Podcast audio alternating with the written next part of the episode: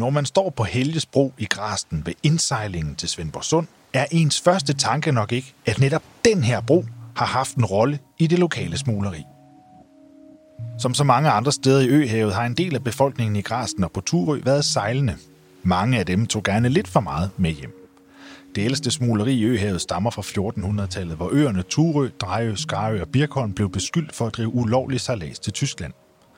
Også blandt den senere tids søfolk var det en sport at snyde staten. Der blev smuglet alkohol, tobak, eksotiske souvenirs og fødevarer hjem fra langfart.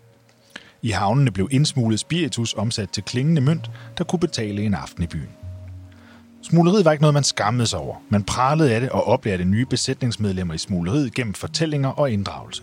Hvis vi kan luske forbi tollerne eller løbe fra dem, gør vi det. Det betragtes nærmest som en sport at drille tolkrydserne. Albin og Paul har fortalt og prallet meget om den ting fra den tid, de sejlede med turinerne og marstallerne. Skrev styrmand FMF Jacobsen i sin dagbog i 1889. Andre gange blev drillerierne mere hårdhændede, men var for det meste lejende. I 1890 havde en af Jacobsens kammerater ombord på Turinerskånderten Emanuel købt cigarer til tollerne. Hvad der umiddelbart virker betænksomt, var det ikke. Cigarerne var i virkeligheden fyrværkeri omviklet med tobaksblade, som sprang imellem hænderne på rygeren. Det var til de tollere, der viste sig særligt tjenestivrige med at snuse rundt. Jacobsen var da i begyndelsen af sin sømandskarriere, og pointen var ikke tabt.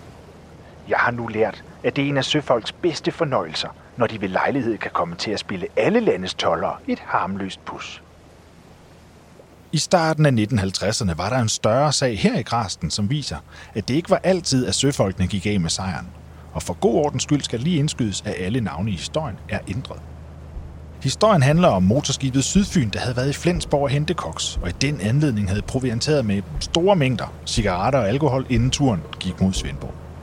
Tolvæsenet i Svendborg var blevet adviseret af Flensborg og holdt derfor øje med skibet, da det gik ind i Svendborg Sund vestfra. Tolvposterne på Skarø, Lenskov Huse og Troense holdt øje med skibet, mens der blev patruljeret ved Tankefuld, Lenskov og Strandhuse, da det i midlertid erfaringsmæssigt forekom tolvopsynet meget sandsynligt, at skibsføreren, selvom ladningen var bestemt til Svendborg, ikke ville anløbe herværende havn, men derimod eventuelt med et forsøg på smugleri for øje, græsten på Turø. Føreren af Sydfyn var dog forsigtig og belyste kysten omkring græsten med en kraftig projektør, mens han langsomt nærmede sig skibsbroen. Tolvopsynsfolkene gemte sig bag buske i plovfuger og måtte flere gange springe i dækning for at undgå opdagelse. Skibet lagde til ved Græsten Bro, hvor efter en kvinde gik ombord. Det hele blev jagtet af tolvopsynsfolkene, der havde taget opstilling bag en isbod. To personer gik i land fra skibet medbringende en stor papkasse hver, men da tollerne sprang frem og krævede kasserne forvist, To, kan vi lige få lov at se de kasser der? løb de tilbage på skibet og gemte kasserne. Da tollerne kom ombord, nægtede skibsføreren. Lad os kalde ham Preben. Absolut, at der var foregået noget som helst smugleri. Til gengæld indrømmede skibsføren sønsmugleriet, og så var føreren jo også selv nødt til at vedstå sig forsøget. Han havde som kaptajn bedt dækstrengen og sønnen om at i land bringe kasserne.